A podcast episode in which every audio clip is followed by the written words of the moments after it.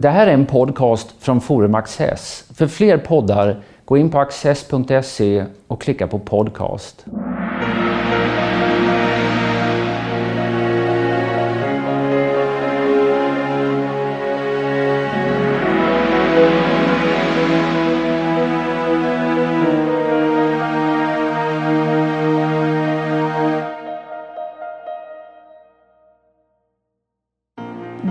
Debatten om privatiseringar har länge varit het, senast under paroller som “stoppa vinster i välfärden”. Men varken privatiseringar eller debatten om dem är något nytt. Historikern Åsa Karlsson samtalar med professor Mats Hallenberg och docent Magnus Linnarsson som forskat om hur dessa frågor dryftats sedan 1600-talet och fram tills idag. De visar att kritiken mot vinster och diskussionen om huruvida privata eller offentliga utförare är mest effektiva ständigt varit aktuell. Ni har ju haft ett forskningsprojekt eh, tillsammans som har nu resulterat i två böcker. Vad var det som gjorde att ni drog igång det här forskningsprojektet? Vad är det som intresserar er med de här frågorna? Mats, vad säger du? Två saker kan vi väl säga. Det ena är som forskare så har vi, både Magnus och jag, sysslat väldigt mycket med äldre tid. 1600-1700-tal och sett konflikter mellan privat och offentligt och vem som ska göra vad. Och så är vi naturligtvis då väldigt påverkade av den debatten vi läser om i dagstidningar och ser på television och sånt där. Att vinster i välfärden, att det är någonting som kritiseras. Och i de här debatterna under 2000-talet då som eh, vi har sett så tycker vi att okay, det finns inte riktigt med att det här är, är liksom en politisk konflikt som återkommer hela tiden i historien. Och vi ville liksom pröva, kan vi undersöka det här på något sätt? Kan vi få veta mer genom ett längre tidsperspektiv? Ska vi börja lite kanske med definitioner som vi historiker gärna älskar. Alltså när vi säger privata utförare, offentliga utförare, vad tänker vi på då? Vad exempel privata utförare, det är inte bara aktiebolag som vi kanske mest ser idag. Vad finns det mer? Genom historien så har det ju varit eh, en massa olika sammanslutningar eller organisationer som inte har varit direkt förknippade med staten eller kanske med kommunen. Då. Vi har ju korporationer eller enskilda individer kan det också vara som det handlar om. Kyrkan är ju en viktig aktör under äldre tid till exempel som också har drivit olika typer av uppgifter. Då. Och idag bolag? Och... Idag förknippar man det ju främst med bolag då och med, med entreprenörsverksamhet. Ja. Och på den offentliga sidan kanske snabbare och lättare att svara? Stat, kommun? Ja, landsting då i, landsting. i, i Sverige. Eh, en poäng som jag tänkt med det här med utförare, att det finns ju naturligtvis privat och offentligt. Det finns ju massor av olika dimensioner då och eh, när vi pratar om allmännyttiga verksamheter så finns det staten kan finansiera, stat och kommun kan reglera. Eh, men någonting vi har utgått från det är att just utföraren, vem som faktiskt företräder det allmänna, att det har betydelse och genom historien ser vi att det är det som vållar konflikt. När vi stiger på tunnelbanan har det betydelse om den som kollar biljetten gör det i egenskap av kommunanställd eller egenskap av anställd av ett privat företag, till exempel. Men vad man också kan säga är ju att eh, vi har varit intresserade av tillfällen då det har så att säga, rått konflikt, när man har bråkat om de här frågorna. Och då är det precis som Mats sa, då är det själva utförandeskapet som konflikterna och bråken har gällt. En, ett enkelt exempel är ju att det råder ju i Sverige eh, idag och kanske om man tittar tillbaka har det egentligen aldrig rått någon större konflikt om att det är det allmänna, det är staten som ska finansiera välfärden, att det är pengarna som ska komma från staten så att säga. Däremot har konflikter rått kring vem som ska utföra själva uppgiften och det är så att säga på den nivån som vi har hittat de här eh, bråken om man så vill, eller politiska debatterna då. Och det är då det har blivit intressant ju, för det är då man ser hur det här har skiftat över tid och genom historien. Men om vi nu ska titta på vad är det för verksamhetsområden, vad är det för uppgifter som man har bråkat om? Och som har varit liksom föremål för den här diskussionen privat och offentligt? Det korta svaret är att det är alla möjliga uppgifter. och om vi skulle inventera historien skulle vi hitta många, många fler än de som vi har tittat på. Mm. Men man skulle väl kunna periodisera lite grann och säga att eh, vad vi också kom fram till genom den här forskningen var lite grann att varje tidsperiod har sina specifika uppgifter som är ifrågasatta och som är debatterade. Och de visar också lite grann på det som är tidsandan eller om man vill uttrycket för tidsperioden. Ett, ett tydligt exempel är att på 1800-talet, början på 1900-talet så handlar det väldigt mycket om infrastrukturfrågor. Och då befinner vi oss i den perioden när man bygger ut infrastrukturen, till exempel järnvägar, transportmedel, men också sådana här saker som kloaker, vattensystem, den här typen av väldigt hårda frågor. Och sen kan vi då flytta fram till, vi kan ta diskussionen idag till exempel, som ju i princip enbart kretsar kring det vi kan kalla mjuka frågor, Precis. alltså välfärdstjänster i någon bemärkelse. Precis. Och, och tullarrenden och så, det är inte så aktuellt Nej, det är inte så aktuellt idag, men på 1700-talet var ja, det ju då... Då var det viktigt. Ja, därför att då handlade det om inkomsterna till staten som egentligen var en av de absolut viktigaste frågorna för då, dåtidens politiker. Och inkomster fick man via tullarna och då är det tullarna som hamnar i centrum tillsammans med, då, som Mats också tidigare visat, skatter under 1600-talet till exempel. Lite av tanken är också att varje generation medborgare eller politiska individer definierar ju det här är det allmännyttiga. Mm. Det är det här som måste lösas gemensamt. Mm. Och i äldre tider har det kanske varit mycket försvar och att finansiera försvar och ordningsmakt. Eh, under andra perioder har det varit det som Magnus talar om då, infrastruktur och sen välfärd. Mm. Men det vi också hävdar är att rent politiskt så är det här faktiskt lite av samma sak. För det vi diskuterar Oavsett om det är när det gäller skatter eller när det gäller hur farmor ska ha det på hemmet så handlar det om att, vad är det allmännas ansvar? Och vem ska företräda det allmänna? Är det självklart att det ska vara en kommunaltjänsteman? Eller finns det andra? Finns det några frågor eller områden som där det aldrig blir en debatt? Som är så självklart att det ska vara allmänt så att det inte ger upphov till någon konflikt? Försvaret till exempel, är det ett sådant område? Nej, försvaret är väl tvärtom ett ganska dåligt exempel ja. så tillvida att man under långa tider förlitade sig på privata legosoldater eller värvade förband som man tvingades hyra in.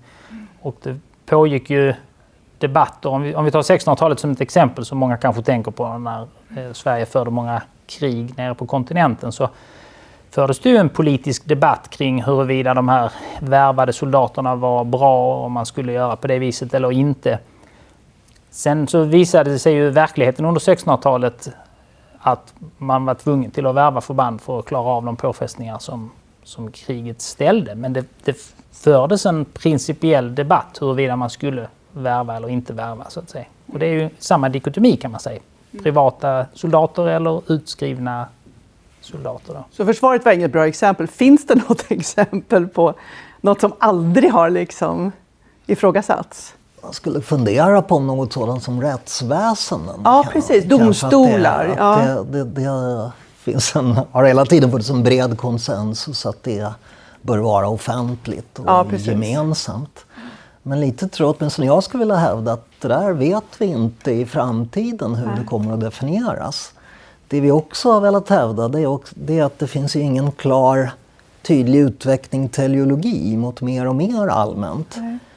Eh, militären som har varit privatiserad i stor utsträckning var självklar offentlig på 1800-1900-talet. Mm. Kommer vi in på 2000-talet då ser vi proxykrigföring, vi har företag väldigt involverade i militära operationer.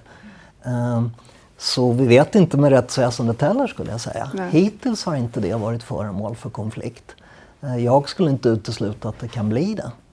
Jag tycker det, det som du säger nu är väldigt intressant därför att det slår en när man läser era två böcker att det är inte så där, just som du säger, en utveckling mot ett mål. Utan det kan gå lite fram och tillbaka. Ska det vara privat eller offentlig utförare? Du har ju till exempel intressanta exempel med belysningen av Stockholms gator under 1700-talet. Kan du berätta lite om hur den utvecklingen... Ja, precis. Ja. Det var ett fall som jag valde då för Stockholms del som jag tyckte var intressant just eftersom jag såg att här fanns det en massa växlingar. Eh, fattas ett kungligt beslut på 1740-talet att Stockholm ska ha en offentlig gatubelysning. Staden var inte mörk innan men, men eh, nu skulle det alltså vara en offentlig organisation och det är en ganska avancerad organisation. Det bygger då på att man ska tända tusentals lyktor samtidigt vid en viss tidpunkt i oktober, november när det börjar, börjar bli mörkt. Och sen så ska man sen gå ut och släcka dem för de får inte brinna hela natten för då ska det vara mörkt. Och så ska man sköta dem och fylla Precis, på dem. Och, precis. ja. Och det där från början när förslaget läggs så är egentligen alla överens om att det här måste vara en offentlig organisation. Eh, Tessin har varit i Paris och sett hur det går till där och där finns det ämbetsmän och alla Nicodemus avlönade. Tessin. Nicodemus Tessin, Ja, den ja. kände arkitekten. Ja, ja. Och han är helt inne på, och eh, många som stöttar honom, att det här måste vara en offentlig organisation. Men eh, då är kruxet att någon ska betala för det här. Och då börjar förhandlingarna då. Eh, Stockholm vid den här tidpunkten är, skulle vi, mm, vi kunna säga, en form av oligarki. De besuttna husägarna är de som har det största politiska inflytandet. Och de börjar argumentera att eh, vi vill inte betala för en så dyr organisation. Vi kan göra det här själva. Vi kan ta på oss det här frivilligt. I äldre språk kallas det här för ett menighetsbestyr. Varje husägare går själv ut, eller han skickar ut drängen eller pigan. Så när man väl kommer fram till det här, hur man ska göra det, då blir det snarare ett individuellt medborgaransvar för husägarna.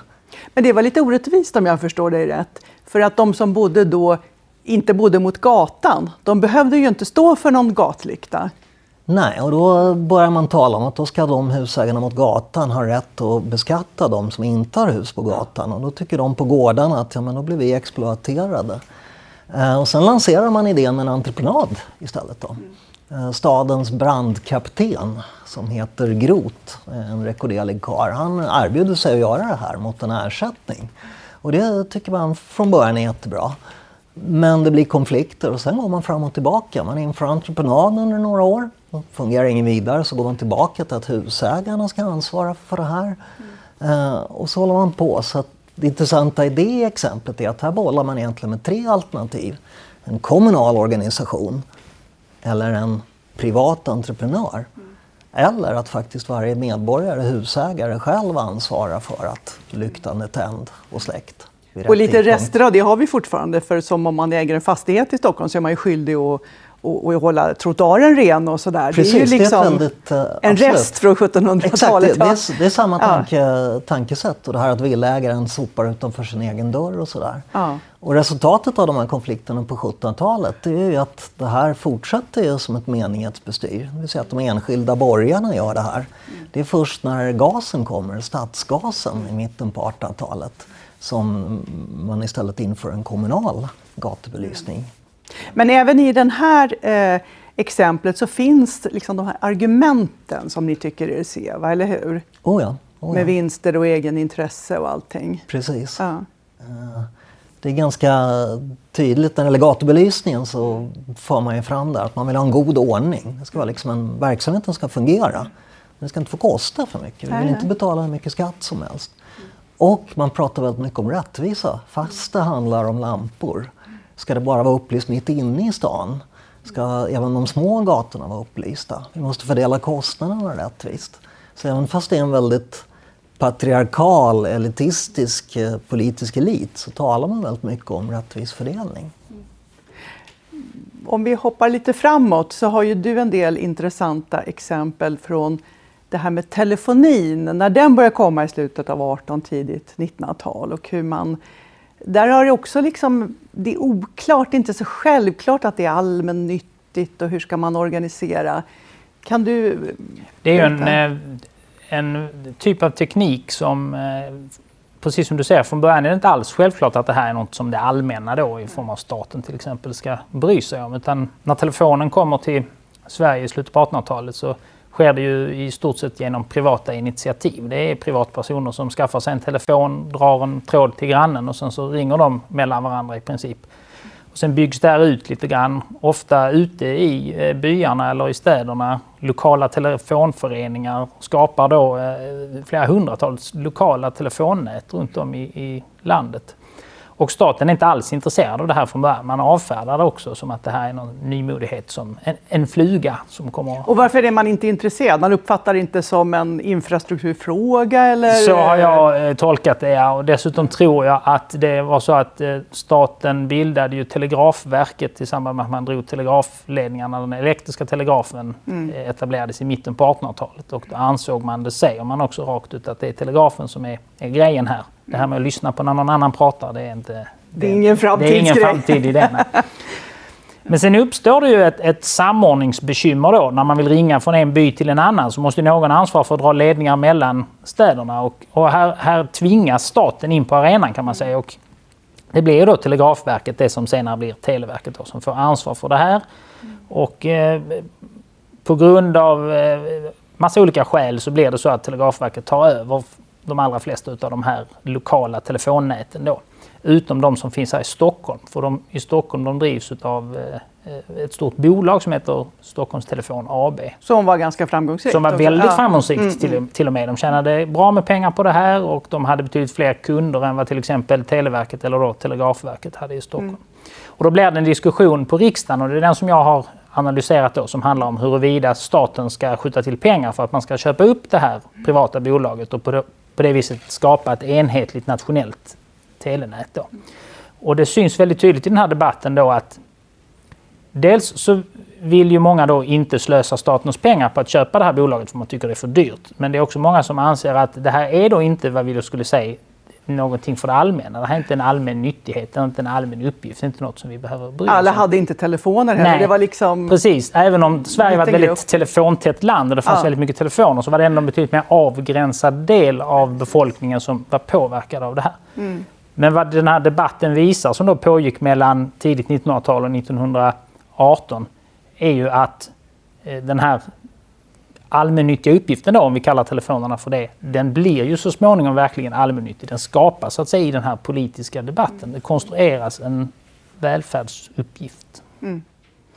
Om, om, man nu tittar på de här, ni har ju då tagit olika exempel från olika århundraden. Om ni tittar över de här 400 åren, vad, vad är det för argument som har liksom använts för att det ska vara i offentlig regi? Alltså genomgående argument? Det är lite svårt att svara på så enkelt för egentligen så är det samma argument som förekommer på båda sidor. Både offentligt och privat. Ja men vi tar det där, tillsammans. Där an, anhängarna till de mm. som tycker att någonting måste vara i offentlig regi, ja. kommunen måste köra spårvagnarna. Ja. De talar mycket om att det, det, blir bättre och billigare. Då kan vi styra och politiskt planera och då kommer det bli bättre och effektivare. Eh, de som är motståndare pratar också, deras argument är också effektivitet och att det blir billigare. Men de hävdar då att den privata företagsamheten, mm. konsten att bedriva affärer, gör att det blir bättre och billigare. Så att eh, många av argumenten finns på båda sidor. Är då är det väl kanske just Magnus ja. vinster då, då som, är, som är... Men effektivitet, det är ett av de argument som ni ser är genomgående i alla de här diskussionerna. I olika former lyfts ja. det fram under århundradena. Sen kan man ju mena olika saker om effektivitet. Det ena är ju då det som Mats sa, att det blir billigare, någon form av ekonomisk effektivitet. Det vill säga att det blir billigare för staten eller kommunen. Men så kan det vara effektivitet på det planet att den verksamhet som ska göras blir bättre så att säga. Mm.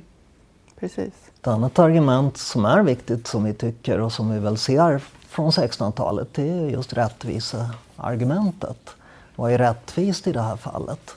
Om vi ska betala skatter, säger man på 1600-talet, då ska vi betala det till Kunglig Majestät så att det finns eh, ett försvar och så vidare. Vi vill inte betala till privata köpmän som stoppar i sin egen ficka. Mm. Och den här rättvisediskursen, den, den, den finns ju hela vägen. Mm. Och du hade den till och med med de här lyktorna? Oh ja, den, mm. den, den finns Precis. där också. Och, uh, där finns även valfrihetsargumentet när ja, borgarna i Stockholm hävdar att vi, vi vill välja själva vem ja. som ska sköta våra lyktor. Precis. Vi kan göra det själva eller vi kan anställa någon. Men om vi tar den här vinstfrågan, alltså du har ju kallat din bok Problemet med vinster. Vad, vad är då problemet?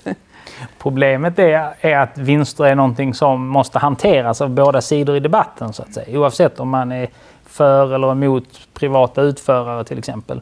Så ända sedan 1600-talet och framåt så poppar ju den här frågan upp om vinster. Det vill säga det här är en verksamhet som om den bedrivs på ett visst sätt kan generera vinst åt någon privatperson. Och då måste man hantera det. Antingen så tycker man att det är okej okay och att vederbörande får tjäna pengar på det här. Eller så försöker man då begränsa den här vinsten. Det är inget nytt fenomen som man har försökt göra på eh, 2010-talet utan det har man även försökt göra tidigare då. Att det ska finnas vinsttak till exempel och sådana här saker. Men ibland kan väl vinst också vara någon slags positiv eh, del av det. Man säger att om det inte finns en vinst så kan vi inte privatisera. Precis, ja. och det är då som Mats sa att argument har använts på båda håll så har man också lyft fram vinsterna på båda hållen. Mm. Tullarna är ju ett av mina favoritexempel då där, där det menades att jo, men om det här privata tullbolaget får lov att tjäna pengar på att sköta tullarna så kommer de att bli effektivare, de kommer att bli bättre och fungera på ett smidigare sätt. Mm. Och sen finns det då de som menar då i andra sammanhang att ja, men om de här privata entreprenörerna tillåts tjäna pengar på det här då kommer de bara att suga ut så mycket som möjligt. De kommer inte att sköta verksamheten och den kommer inte fungera så bra som det var tänkt. Så vinsterna har också använts som tillhygge i debatten så att säga av, av båda sidor. Då. Den här frågan och det är därför se, de är ja. ett problem. Ja, ja, precis. Det är inte vinsten i sig som är ett problem utan det är att de överhuvudtaget finns med. Och det är väldigt tydligt att de finns med hela tiden. Så att säga. Det här med det allmänna bästa, det är väl en slags allmän... Det, det, finns ju med hela vägen, eller hur? Jag tänker på dina, om jag ursäktar, skittunnor som du har studerat, latrintömningarna i, i det här perspektivet. Just det, just det. Där kommer in att det är ju liksom lite hälsovådligt om det inte hanteras på rätt sätt och man oroar sig. Och det är ju verkligen det allmänna bästa ett argument. Ja, det är ett exempel på en situation som uppstår där det allmänna bästa plötsligt blir ännu viktigare än vad det har varit. Det här att stan ska vara någorlunda ren och inte lukta för jävla illa, det, det vet man ju om. Och eh, har man ju definierat som ett allmänt problem tidigare. Men på 1850-talet så dyker kolera och sådana här saker upp. Och man har lagt ut det här på entreprenader. Man har hållit aktioner ända sedan mitten av 1700-talet för folk ska föra bort dels mänskligt avfall och sen hästarna. Stan är full av hästar och även kossor och annat boskap.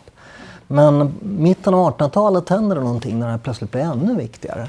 Och då lyfts det här upp till en ännu viktigare allmän fråga.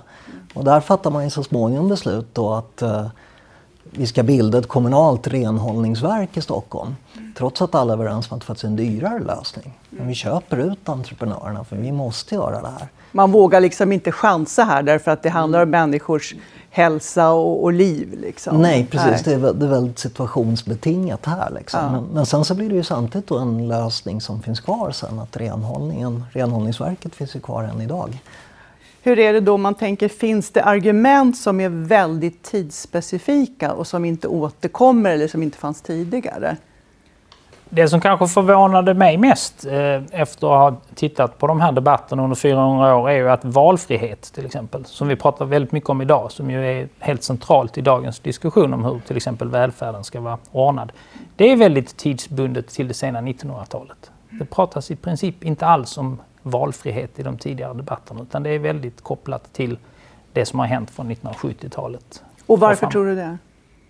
Ja, min tolkning i boken är ju att det är samhället som har förändrats lite grann till att lyfta fram individen i högre utsträckning än kollektivet. Att den tidigare samhällsordningen, om vi pratar 16-1700-tal, handlade om att det allmänna bästa, det allmänna var hela tiden överordnat egenintresset till exempel.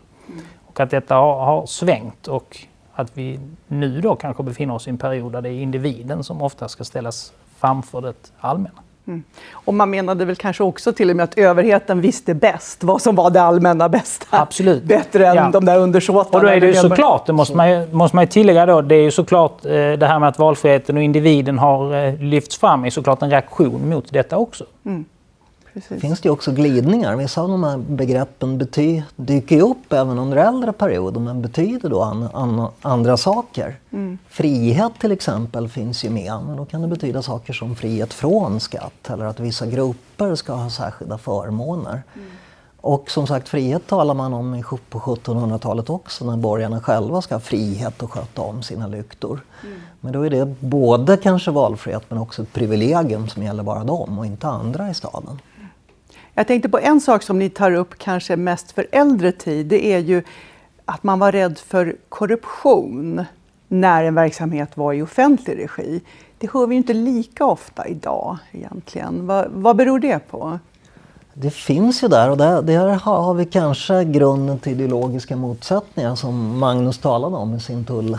Han skriver ett kapitel om tullarna på ja, 1700-talet och då finns det ju egentligen två skolor där den ena hävdar att eh, den statliga förvaltningen är korrupt. Eh, tulltjänstemännen är korrumperade. Därför kan vi lika gärna lägga ut det på en privat entreprenör. Mm. Så det är en misstro mot den eh, statliga förvaltningen. Mm. Medan den andra sidan istället misstror de privata utförarna och säger nej, nej, nej, vi kan inte lägga ut det på en entreprenör. Då kommer han bara att stoppa det i sin egen ficka. Men det finns en parallell, till exempel hur man diskuterar den offentliga sektorn, framförallt under 70, 80, 90-talet, då finns det från många håll en oerhört stor misstro mot offentliga monopol. Och säga att om vi bara vi måste stycka upp de här och ge ut det till privata entreprenörer så kommer det bli mycket effektivare. Mm. Så där finns det en annan variant av, skulle jag säga, en liknande misstro. Mm. Um på något sätt känner man ju när man läser er bok att de här frågorna verkligen är eviga. När du till exempel talar om telefoner så tänker man ju lätt på mobiltelefonmarknaden och hur den har utvecklats.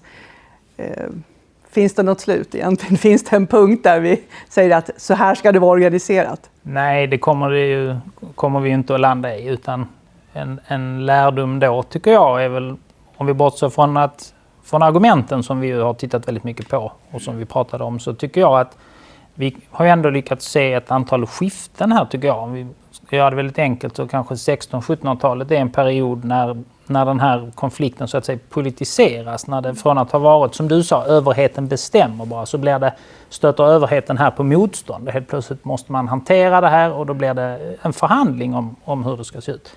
Och sen så har vi då ett annat skifte, andra halvan av 1800-talet, 1900-talet, när vi ser en väldigt stark riktning mot att de här typerna av uppgifter är någonting som ska skötas av det allmänna. Och då har vi infrastrukturen som kanske går före men under 1900-talet så ser vi uppbyggnaden av den just offentliga sektorn. Vi pratar inte om välfärdssektorn utan vi pratar om den offentliga sektorn. Och sen, ja. Precis. Så tänker vi väl också att det här med politik är viktigt och det här med förändring är viktigt. För det finns, ingen, det finns ingen lagbundenhet att spårvagnen måste köras av kommunen eller av Veolia. Nej. Vi kan förändra det här om vi vill. Det har man kunnat förut i historien. Mm. Titta här, 16, 17, 18, 1900-tal. Så att, eh, och även framöver? Även framöver. Och det är Så, lite det som är poängen. Ja. Ingenting vara för evigt. För att de här lösningarna vi har idag eh, fungerar förmodligen tillfredsställande under en tid. Och i nästa tid är det dags att fundera över de ting som fungerar bättre. Så om 20 år kan ni dra igång ett nytt forskningsprojekt och komma hit till Historisk Access och berätta om resultaten. Tack så hemskt mycket. Tack så jättemycket för att vi fick komma. Tack.